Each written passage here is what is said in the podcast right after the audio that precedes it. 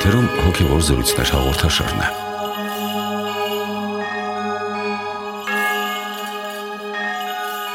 Ողջույն սիրելի ունկնդիրներ, Վեմ ռադիոկայանի եթերում հոգևոր զրույցներ հաղորդումն է։ Մենք շարունակում ենք հավատի էության շուրջ զրույցը Տեր Մեսրոպ Քահանա Արամյանի հետ։ Օրնեցեք Տեր այր։ Աստված օրհնի։ Համառոտ հիշեցնեմ նախորդ հաղորդման եզրափակիչ մտքերը, որ เป զի վերագտնենք խոսակցության թելը երկու միտք առանձնացնեմ ձեր խոսքից, որ เป զի մեր ունկնդիրները կարողանան իրենց հիշողության մեջ ամրագրել նախ հավատի ուսուցման անհրաժեշտությունը, որովհետև դա է միակ ուղին եւ թյուր հավատից, սուտ հավատից հեռանալու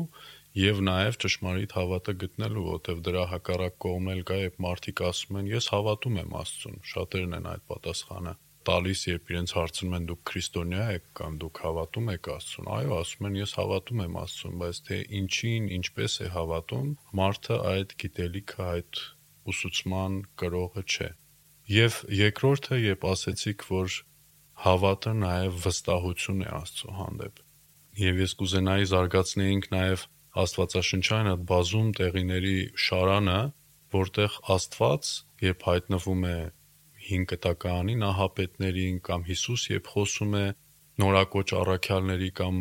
իրեն դիմող հրեաների հետ Հիսուս պահանջում է առաջին քայլը իրեն ընթառաջ հավատը շատ ժամանակ հավատ, որը ապրիորի է, այսինքն ամրագրված չէ դեռ մեր անձնական փորձառությամբ կամ ինչ որ բանով մենք չենք համոզվել։ Հիսուս պահանջում է, որ เป զի մենք իրեն առաջին հերթին հավատանք ու հետո նոր առաջ է անցնում մեզ հետ այդ հավատի մեջ։ Արակներում, հին կտակարանում եւ նոր կտակարանում այդ օրինակները բազմաթիվ են, երբ հենց առաջին հանդիպումը, առաջին առերեսումը Հիսուսի հետ պահանջել է հավատի դրսևորում եւ այդպիսի մարդիկ օրնվել եւ խրախուսվել են Հիսուսի կողմից։ Այդպես է քրիստոնեությունը ընդհանրապես դա հավատքի կարելի ասել կրոն է եւ հավատքի մի նոր ըմբռնում եւ դարաշրջան է բացում մարդկության համար ես նույնիսկ կասեի հավատքի մտերմության դարաշրջան է բացում քրիստոնեությունը արդեն Աստծո հետ փոխհարաբերությունը վերածում է լրիվ այլ երևույթի, դա ինչ որ հերավոր անսահմանություններում գտնվող մի գերհզոր էակի հետ էպիզոդիկ փոխհարաբերություններ չեն այլևս։ Աստված մարդացել է։ Աստված եւ մարդ Քրիստոսի մեջ անբաժանելիորեն միավորվել են։ Եվ մենք հաղորդությամբ ճաշակում ենք Աստծուն։ Ասում եմ, եւ մենք տեսանք եւ շոշափեցինք կենացմանը, մենք ճաշակում ենք Աստծուն։ Իսկ Աստծուն ընդունում ենք մեր մեջ Այսինքն Աստծո հետ շփումը շատ անմիջական է, անսահմանելի, հերավոր եւ անընդմիջելի մերձավոր, ինչպես ասում են արեկացին։ Քրիստոնեությունը ուրեմն Աստծո հետ հարաբերությունների լրիվ նոր դարաշրջան է։ Աստված ճանաչողության լրիվ նոր եւ անսպասելի, ես նույնիսկ ասեի անհավանական մի իրականություն է, որտեղ որևէ մեկը չէր կարող պատկերացնել այդպիսի բան Դրա համար շատ անսպասելի էր Աստծո որդու գալուստը։ Անակնկալ էր, որտեղ լրիվ ուրիշ բան էր մարդկությունը սպասում։ Եվ այդ առումով պետք է ասել, որ այո, հավատքը քրիստոնեության մեջ նշանակում է ոչ թե պատկերացումներ Աստծո մասին, ինչ որ ըմբռնումներ, ինչ որ տեսություններ եւ այլն եւ այլն։ Դա նշանակում է անմիջական եւ անznական շփում Աստծո հետ։ Հավատքը հենց դրա զորությունն է անշուշտ հավատքի մեջ կան աստիճաններ։ Այսպես չի որ դու անմիջապես կարող ես այդ կատարյալ հավատքին արժանանալ։ Մենք ինչպես կարող ենք համեմատել, ասենք մեր հավատքը, ասենք առաքյալների կամ մեծամեծ սուրբերի հավատքի հետ։ Բայց մենք էլ տեսնում ենք, որ նրանց մոտ էլ այդ հավատքը սկզբում այդքան զորավոր չէր, բայց նրանք գնացին այդ զողողությունների ճանապարհով եւ զարգացրեցին իրենց հավատքը, զորացան իրենց հավատքի մեջ։ Պետրոս Արաքյալը կամեցավ ջրերի վրա քայլել հավատքով եւ ստացվեց սկզբից իր մոտ, բայց հետո իր մոտ տատանումներ սկսեցին։ Տատանվեց իր հավատքի մեջ, երկմտեց եւ սկսեց սուզվել եւ Աստված նորից օգնեց իրեն այդ հավատքի տատանումների մեջ։ Սրանք բոլորը բնական բաներ են, բայց ես ուզում եմ ասել, որ այդ հավատքի մեջ կա աճ, կա աճ, սրբության աճ կա եւ զարգացում կա, ճանաչողության զարգացում կա հոգեվոր Այնպես որ դրանք բոլորը բնական բաներ են եւ այնուամենայնիվ Աստված այո մեզանից նախնական հավատք է պահանջում։ Մեր նախնական հավատքը ոչ այլ ինչ է, եթե ոչ հրաժարիմքը այս աշխարից, ինչը արտացոլված է մկրտության ծեսի մեջ։ Ինչով ենք սկսում մկրտությունը։ Մենք հրաժարվում ենք չարից եւ նրա փորձություններից, շրջվում ենք չարից եւ դառնում ենք դեպի Աստվածգիտության լույսը։ Կարելի ասել, որ հավատքի առաջին աստիճանը հենց ընտրությունն է, որ ես վճռական դարձ եմ ապրում, շրջվում եմ չարիքից եւ նայում եմ դեպի Աստվածային ճշմարտությունը։ Սա քո առաջին ընտրությունն է, որ դու պիտի կատարես եւ քեզ հանձնես Աստծո լիակատար խնամքին։ Իհարկե, այդտեղ հեշտ է ասել քեզ հանձնես Աստծո լիակատար խնամքին։ Մենք ուզում ենք, բայց շատ հաճախ դա մեզ մոտ չի ստացվում։ Եվ արդեն սրբության աստիճանը որ մարդը ընդհանրապես իրեն հանձնել է Աստծո խնամքին 100%-ով համոզված լինելով, որ Աստված է իրեն տանում եւ ոչ թե ինքն է գնում։ Բայց այդ առաջի քայլը մենք պետք է կատարենք այդ դարձը առաստված հեռանալը ճարիքից Եվ իհարկե միշտ հիշենք թերևս նաև մեր մարդկային տկարության մասին։ Նույնիսկ այդ իրավիճակում մենք խնդրենք Աստծո զորություն, ոսի ինքը ուշ տա որ լիակատար կերպով շրջվենք, ոչ թե կեսկատար, այլ իսկապես դարձի գանք, իսկապես դեպի Աստվածային լույսը նայենք։ Այդտեղ էլ մենք զորացման կարիք ունենք։ Պատահական չի, որ մկրտության արարողության ժամանակ այդ հատվածը իմիջիալոց հին ծեսում կատարվում էր դրսում, այսինքն դեռ մարդը եկեղեցի չի մտել։ Դեռ պիտի ինքը արժանանա եկեղեցի մտնելու։ Դրսում կատարվում էր հրաժարիմքը, ապա դավանությունն էին արտասանում, բայց նաև մարդու վրա կատարում էին էկզորցիզմի աղոթքներ, դիվահալածության աղոթքներ։ Այսինքն մարդուն հատուկ կերպով զորացնում էին, որպեսի կարողանար մարդը մուտք գործել Քրիստոսի քրիստոնեական ճշմարիտ հավատքի խորհրդի մեջ, որովհետև մկրտությունը հավատքի խորհուրդն է։ Եվ այս process-ները շատ հետաքրքիր կերպով նկարագրված են հենց մկրտության արարողության մեջ այդ դարձը դավանությունը աստվածային զորության օգնություն դու պիտի դեռ զորանաս որպեսի կարողանաս մտնել հավատքի խորհրդի մեջ Իրականում հավատի բժշկող ազդեցությունը բավական հետաքրքրական թեմա է եւ մեր ազգային քրիստոնեական գիտակցության մեջ բավական արմատավորված դիցուկ նարեկը կամ բժշկության աղոթները, որ գրված են մեր եկեղեցու հայրերի կողմից եւ մինչ օրս էլ Փառք Աստծո այդ գիտակցությունը մեր ժողովրդի մեջ կա, որ երբ ինչ որ իրենց առօրյա կյանքում նեղությունների են հանդիպում, հիվանդություններ են պատահում, նրանք միմյանց խորհուրդ են տալիս հավատին դառնալ եկեղեցի այցելել, սուրբ գիրք կարդալ եւ ինչ կասեք Տեր հայր հավատի դերի մասին մարմնի եւ հոգու բժշկության պարագայում, որովհետեւ երկուսն էլ կարեւոր են։ Դա պարզապես ակնհայտ է, այսինքն նախ ամբողջ ավետարանն է դրա մասին խոսում, եթե մենք կարդում ենք ավետարանը, այնտեղ տեսնում ենք բազմաթիվ բժշկության պատմություններ, որոնք հենց հավատքի դրսևորումներ են կամ տվյալ մարդու հավատքով ուղակի Քրիստոսից է խնդրում բժշկություն, կամ մերձավորների հավատքով կամ ծնողների հավատքով մենք տեսնում ենք բազմաթիվ բժշկություններ եւ կարող ենք մենք ասել, որ մեր հոգին եւ նաեւ մարմինը հիվանդ են։ Նրանք բժշկության կարիք ունենք եւ հավատքը հենց բժշկության ճանապարհ է։ Աստված բժիշկ է։ Եվ շատ ֆիզիկական հիվանդությունների պատճառը նաեւ գալիս է հոգևոր տիրույթից։ Հոգևոր կյանքը ազդում է ֆիզիկական առողջության վրա։ Եվ բնական է, որ մարդիկ դիմում են հավատքի, դիմում են սուրբ գրքի, դիմում են աղոթքների, որպեսի բժշկվեն։ Բժշկության համար դիմում են։ Բայց այդ բժշկությունը հաճախ միանգամից չի լինում, այլ լինում է հենց այն պահին, երբ պետք է, երբ մարդը պատրաստ է հասկանալ որոշակի իրողություններ։ Մենք դա կոչում ենք շնորը ստանալ եւ պահել այդ իրավիճակը։ Երբ մարդը պատրաստ չէ այդ շնորը պահելու, Աստված հաճախ չի իրականացնում մարդու խնդրանքը, այլ իրականացնում է այն ժամանակ, երբ մարդը բավականաչափ պատրաստվել է, որպեսի Աստծուց ստացածը կարողանա պահպանել։ Նարեկացին մի սքանչելի աղբյուր է, մի սքանչելի աղոթամատյան է բժշկությունների համար նաև նախատեսված բայց ես ուզում եմ ասել, որ ոչ միայն բժշկությունների համար պետք է նարեկացի կարդալ։ Նարեկացին շատ ավելի խորը գիրք է, քան պարզապես միայն իրեն դիտելը որպես բժշկարան։ Բայց ինչևէ մարդիկ շատ հաճախ դրան անդրադառնում են հենց նեղության մեջ, այն պատճառով, որ ունեն հիվանդություններ կամ այլ տեսակի նեղություններ եւ նարեկացին շատ տարբեր իրավիճակներում է մարդկանց օգնում։ Բայց պետք է զգուշ լինել այդտեղ եւ նորից ցնահավատորեն չմոտենալ նարեկացուն, որովհետեւ ես նաեւ տեսնում եմ շատ սխալ գործածություններ մեզանում նարեկացու մենք դարերով չենք կարդացել այդ գիրքը, դրել ենք էլ բարձի տակ, էլ, չգիտեմ, ամեն տեսակ զորություններ ենք վերագրել այդ գրքին, անշուշտ կան այդ զորությունները, բայց պետք է հասկանալ, որ այդ ամեն ինչը աշխատում է հավատքի աճին զուգընթաց։ Եվ այդ գիրքը գրված չէ նրա համար, որ բարձի տակ դնենք եւ քնենք, այդ գիրքը գրված է նրա համար, որպեսզի մենք կարդանք։ Դա կարդալու համար է նախատեսված,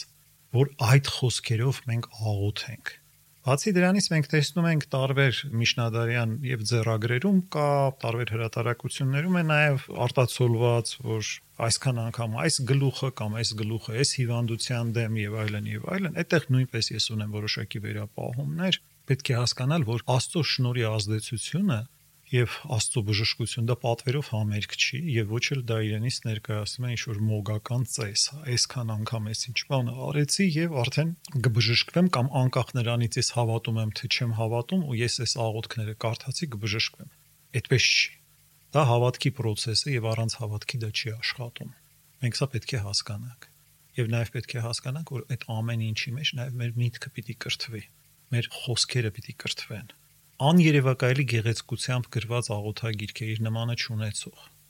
Ինչ է սովորեցնում մեզ այդ աղոթքը։ Աղոթագիրքը ինչ է սովորեցնում,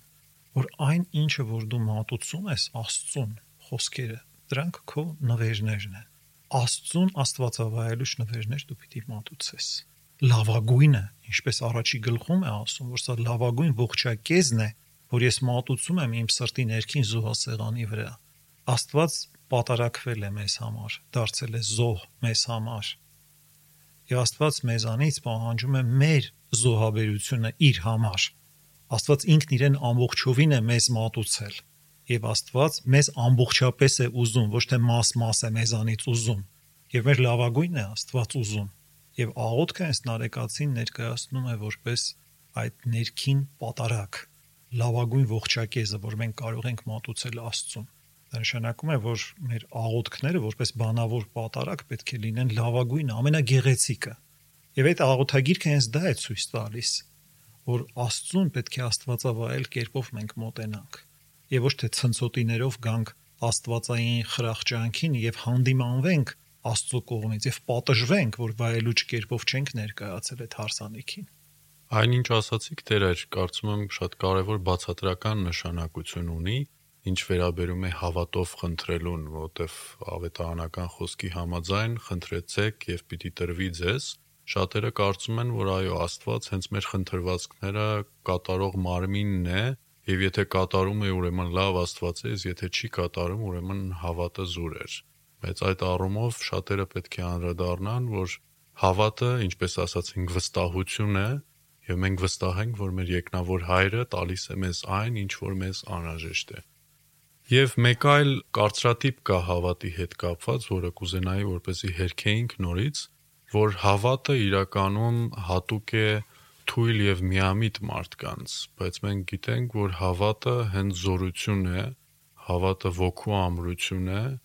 եւ իրոք այն ճշմարիտ արժեքն է, որը մեզ դրթում է մեր հոգեվոր եւ աշխարհիկ սխրանքներին։ Կան բյուր օրինակներ, քրիստոնեական վկայաբանությունների, թե ինչպես քրիստոնյաները իրենց կամքի ուժով, իրենց անսասան հավատով այնպիսի զորություն են իրենց մեջ ցուցադրել, որը հաղթել է այս աշխարհի հզորներին եւ հավատացել են նույնիսկ այնտեղ, որտեղ հավատը ունայն էր թվում, զուր էր թվում։ Իրականության մեջ հավատքը դա հենց վախերի հաղթահարումն է։ Մի վախեցիր, բայց միայն հավատա։ Մի վախեցիր, բայց միայն հավատա պետք է ասել, որ հավատքը արիություն է եւ նույնիսկ անհավանական արիություն է, որտեղ մենք տեսնում ենք հավատքով մարդիկ ինչեր են գործել դարեր շարունակ։ Եվ եթե քո մեջ դեռ, այսպես ասած, աշխարհիկ վախեր կան, աշխարհիկ սարսափներ կան, այդպիսի աշխարհիկ անվստահություն, տատանումներ, վախ, երկմտանք եւ այլն, դա նշանակում է, որ դու դեռևս հավատքի ոլորտ չես մոտ գործել Էպես որ հավատքը հաղթահարումն է այդ բոլոր տկարությունների տվյալ դեպքում վախը, երկյուղը եւ այլն դրանք տկարություններ են։ Հավատքը տալիս է մեզ զորություն, հավատքը տալիս է մեզ վստահություն եւ պետք է ասել, որ հավատքը դա քաջերի ճանապարհ է։ Հավատքը մեզ քաջ է դարձնում, հավատքը մեզ դարձնում է համարցակ քայլեր անելու։ Եվ դա պետք է մեզ համարցակությունը ամեն ինչի մեջ է պետք։ Համարցակությունը պետք է ոչ միայն դժվարին իրավիճակներում համարցակությունը մեզ պետք է ճանաչողության համար, համարցակությունը մեզ պետք ստեղծագործության համար, ամեն ինչի մեջ եւ հավատքը, եթե նայում ենք որպես օրինաչափություն, հավատքը մարդկանց համարցակ է դարձնում։ Հավատքը առաջ շարժվելու ուժ է տալիս եւ վստահություն է տալիս։ Իսկ ինչը վերաբերում է հավատքը դա թույլ մարդկանց բան է, դա ճիշտ հակառակն է։ Հավատքը դա ուժեղների տիրույթ է։ Հավատքը ուժ է եւ երբեք դա տկարության կամ թուլության հետ չի կարելի նույնացնել։ Օրինակ մարդիկ շատ հաճախ չեն հասկանում, օրինակ ասենք խոնար բառը ինչ է նշանակում։ Խոնարհություն նրանք պատկերացնում են տկարություն։ Խոնարհության մեջ չկա տկարություն։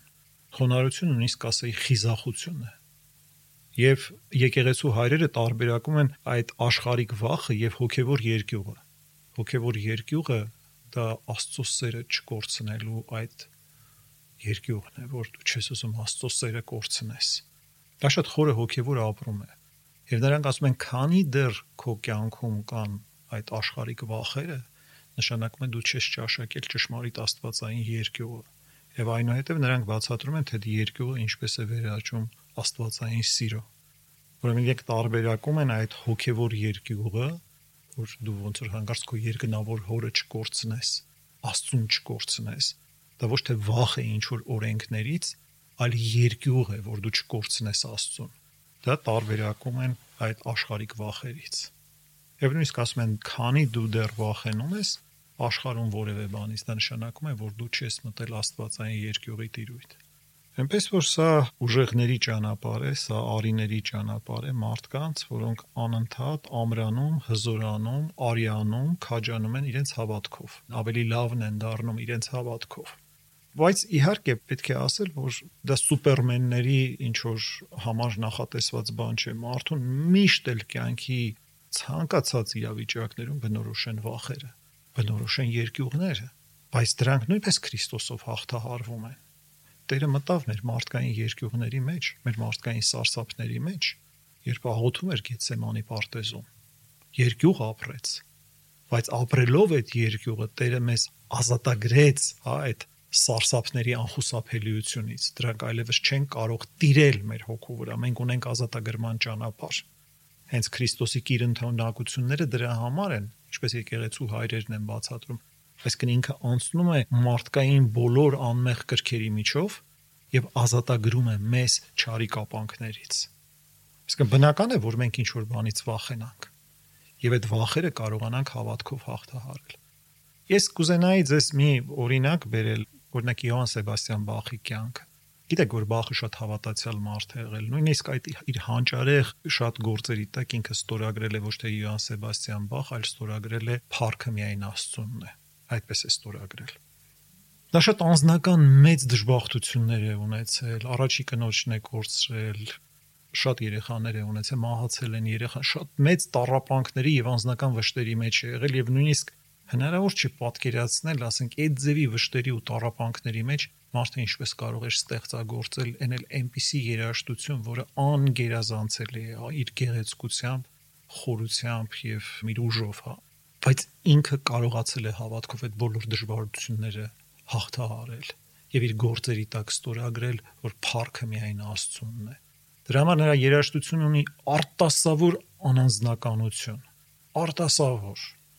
լսում ես այդ երաժշտությունը ու տեսնում ես որ չկա անձ ինքը շատ հաճախ իրեն անվանել է աստվածային այդ երկնային երաժշտության գործիք է անվանել ու դու տեսնում ես այդ աստվածային զորությունը այդ երաժշտության մեջ այդ անձնականությունը այդ ազատագրման այդ ճանապարհն ես տեսնում բայց ուզում եմ ասել որ որպես մարդ ինքը իր երկրավոր կյանքում նույնիսկ անտանելի մարդու համար անտանելի տարապանքների մեջ է անցկացրել բայց այդ հավատքով հաղթահարել է այդ ամենը Խոսելով հավատի մասին, կարծում եմ չեն կարող խուսափել հավատի եւ հավատի գործերի զուգորդման հարցի քննարկումից, որովհետև ինչպես ավետարանել է մեջբերում, Աբ รา համը հավատաց Աստծուն եւ դա նրան իբրև արդարություն համարվեց։ Կամ ինչպես որ Հիսուսի արչև մարդիկ խոստովանում էին իրենց հավատը եւ Հիսուս միանգամից ասում էր գնա եւ ըստ քո հավատի թող լինի քեզ եւ միանգամից մարդիկ բժշկվում էին իրենց հավատի շնորհիվ բայց Պողոս Արաքյալի թղթերում էլ եւ մյուս Արաքյալական թղթերում էլ անցածվում է նաեւ այն հարցը, որ հավատը պետք է անհրաժեշտաբար զուգորդվի նաեւ հավատի գործերի հետ։ Հավատը չի կարող լինել պարզապես օթում կախված միայն բարերով եւ մեր խոսքով դրսեւորվող ինչ որ էություն։ Գիտեք, հավատքը դա մի բան չէ, որ ես ասացի հավատում եմ ու եղավ։ Հավատքը դա հավաքական զորություն է եւ խոսք է եւ ապրում է եւ գործ է։ Աշուշ պիտի հավատքի եզրափակումը դա հավատքի գործերն են։ Եթե քո կյանքում չերևաց, որ դու հավատք ունես, քո խոսքերից ինչ օգուտ։ Որ դու ասեցիր ես հավատում եմ, ինչա լավություն արեցիր Աստծուն, որ ասեցիր ես հավատում եմ։ Քո կյանքում դա պիտի երևա ավելի լավ ոչ մի բան չասես, բայց քո գործերի մեջ արտացոլված լինի քո հավատքը։ Դա շատ ավելի լուրջ հավատքի տեսակ է, քան պարզապես բառերով ասելը։ Բայց ուզում եմ ասել, սա միասնականություն է, սա եւ դավանություն է, եւ ներքին փոփոխություն է, եւ վստահություն է Աստծո նկատմամբ եւ խոսքով ձևակերպում է, պիտի դա նաեւ բառերով ճիշտ ձևակերպված լինի, ճիշտ սահմանումներով։ Դա որոշակի գործերի իրականացում է, այդ ամեն ինչը միասին վերցրած։ Տեսեք, մենք հիմա օրինակ ապաշխարության process-ը 3 մասի ենք, չէ՞, բաժանում։ Զղջում սրտի, խոստովանություն բերանի եւ ապաշխարություն գործերի։ Այսինքն զղջում սրտին կարևոր է, որովհետեւ եթե չես զղջացել, մնացած բոլորը անիմաստ է։ Բայց միայն դա բավարար չի։ Որովհետեւ դու կարող ես սրտով զղջալ, բայց շատ ներքին խափուսիկ վիճակներում լինել։ Դու դեռ պիտի դա ձևակերպես։ Պիտի բերանով խոստովանես եւ խորհրդատվություն ստանաս դրա համար։ Բայց դա էլ բավարար չի։ Դու պիտի քո գործերով ապաշխարես։ Այսինքն գործնական քո կյանքում պիտի այդ ամեն ինչը երևա։ Եվ միայն այս երեքի արկայության դեպքում է, որ սա համարվում է ամբողջական process։ Հավատքի դեպքում էլ սկիզբ կա, միջին, այսպես հատված կա եւ լրում կա։ Պետք է ասել, որ այս ամբողջը միասին առանց գործերի հնարավոր չէ պատկերացնել հավատքը եւ համարել, որ ես արդեն հավատացի, վերջ, ինչ անեմ, հեր բան չկա անելու, ինչ ապաշխարություն, ինչ բան, գնամ բիզնեսով զբաղվեմ։ Ես հիմա մի քիչ շատ եմ տափակացնում, բայց արևմտյան աշխարհում շատ կա տարածված այս մտայնությունը բողոքական, կարելի ասել, մտածողությունից ծնված, հա, այսպիսի պատկերացումներ կան, որոնք շատ են ազդել ժամանակակից կապիտալիզմի ձևավորման վրա որտեվ վերջ հավատքով արդեն փրկված ենք, էլ ուրիշ ոչ մի բան չկա, հավատացել եմ, վերջ ես արդեն փրկված եմ։ Եվ արդեն վերջ կգնամ, ես իմ աշխարհիկ գործերով կզբաղվեմ, ինչքան հաջողություն այնտեղ ունենամ բիզնեսի մեջ, այնքան ավելի լավ հավատացյալ եմ, ուրեմն Աստված օրհնում է իմ գործերը եւ վերջ։ Սա շատ նեղ ընկալում է քրիստոնեության եւ շատ վտանգավոր։ Քրիստոնեության մեջ օրթոդոքս ուղափառ քրիստոնեության մեջ երբեք հավատքը գործերից չի տարանջատվում Դա միասնական ակտ է։ Հավատի աստվածաշնչյան տեղիները այսքան քննարկելուց հետո կարծում եմ կարող ենք եզրափակել զրույցը մեր հարուցյալ տիրոջ կողմից տրված ամենամեծ խոստման եւ հավատի ապարքեվի տողերով, երբ Հիսուս ասում է ինձ հավատացողը թեև մեռնի, կապրի։ Դա երևի ամենամեծ խոստումն է, որ տրված է Հիսուսի կողմից իր հետևորդներին։ Հավատքը մուտք է նաև դեպի հավիտենական կյանք կարող ենք ասել հավիտենական կյանքի դուռը բացվում է հավատքի բանալիով եւ մենք այդ հավիտենական կյանքի մեջ մտնում ենք հենց այս կյանքից ոչ թե մեր մահկանացուն կնքելով ենք մտնում այդ հավիտենական կյանքի մեջ այլ այս կյանքը արդեն մուտք է դեպի հավիտենական կյանք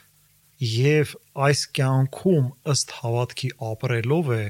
պայմանավորված թե ինչ ենք մենք ժառանգելու հավիտենական կյանքում։ Դրա համար ասում է, որ ինձ հավատացողը թեպետ եւ մեռնի, ինքը կապրի, այսինքն թեպետ եւ ֆիզիկապես մեռնի, բայց ինքը հավիտենապես ապրելու է, ինքը հավիտենական կյանքի ժառանգորդ է։ Ինչի է այդպես, ինչի է այդպես։ Որտեղ հենց Քրիստոս է մեր կյանքը։ Ինքը մեր կյանքն է։ եւ ինքն է մեր հարությունը։ Ինքը ոչ միայն մեր կյանքն է, ինքը նաև մեր կյանքի կերակուրն է։ Առանց իրենով սնվելու մենք ասում եմ, եթե մեկը չուտի իմ մարմինը եւ չխմի իմ արյունը, չի կարող իր մեջ կյանք ունենալ։ Քրիստոսի խոսքերն են։ Սա նշանակում է դա պարզապես ինչ որ մի կյանք չէ, դա կյանք է Աստծո մեջ, կյանք է Աստծով։ Կյանք է, երբ մենք սնվում ենք Աստծով։ Քահանան երբ շրջվում է հաղորդությունը ձերքին դեպի ժողովուրդը, ինչ է ասում։ Երկու կարևոր արտահայտություն։ Սա է կյանքը եւ հարության հույսը։ Սա է կյանք, հույս հարության, հավություն եւ թողություն մեղած այսօրվա պատարակամատույցներում ընդհանրացած, ասենք, սխալ ձև կա։ Հույս, հարություն բայց բոլոր մեկնությունները խոսով անձևացի կլինի, լամբրոնացի կլինի, այնտեղ հույս հարության արտահայտությունն է եւ դա նաեւ հնագույն պատարակամատույցներում է այդպես։ Եվ մեկնում են, որ սա ձեր կյանքն է, սա կյանքն է։ Նաեւ այս հաղորդությունը, որ դուք ճաշակում եք ձեր մեջ, Սա հարության հույսն է, այսինքն հարուցյալ կյանքի հույսն է։ Սա է, որ ձեզ տալու է այդ հարուցյալ կյանքը։ Այսինքն մենք այդ կյանքը ստանում ենք հենց Հիսուս Քրիստոսի միջոցով, իր հետ կենթանի հաղորդությամբ եւ իր նկատմամբ կենթանի հավատքով։ Այնպես որ հավատքը լրումն է ամեն ինչի, ինչը որ խոստացված է նոր կտակարանում Քրիստոսի կողմից եւ հավիտենական կյանքի բուն օրինաչափությունն է, որտեղ հավիտենական կյանքը դա կյանք է Աստծո մեջ։ Իսկ Աստծուց զրկվային այն մարդիկ, ովքեր հավատքով չեն ապրում կամ այս կյանքում մերժել են Աստծո իրականությունը, իրենք այն մյուս կյանքում էլ առանց հավատքի են ապրում։ Ինչը նշանակում է ապրում են առանց կյանքի, որտեղ հավատքը մեր կյանքն է։ Հավատքը հենց այն կյանքն է, որ Հիսուս Քրիստոս է մեզ խոստացել։ Ամեն ինչ կարելի է բնորոշել մեկ բառով՝ հավատք։ Հավատք հավաքական բառով այն բոլոր հոգևոր բարիքների ամբողջությունը, որ մենք ստանում ենք Քրիստոսի կողմից։ Շնորհակալ եմ Տեր այս հոգեշահ զրույցի համար, սա առիթ էր ամենքիս համար վերստին քննելու մեր հավատքային համակարգը, մեր արժե համակարգը եւ նորից մեզ համար եզրահանգումներ անելու, թե որտեղ պետք է ամրացնենք, ինչ քայլերով պետք է զորացնենք մեր հավատը։ Իսկ մենք ձեզ հրաժեշտ ենք տալիս Սելի ռադիոյն գնդիրներ կհանդիպենք Վեմ ռադիոկայանի եթերում եւ հիշենք Քրիստոսի խոսքերը Մարկոսի ավետարանում ամեն ինչ հնարավոր է նրա համար, ով հավատում է։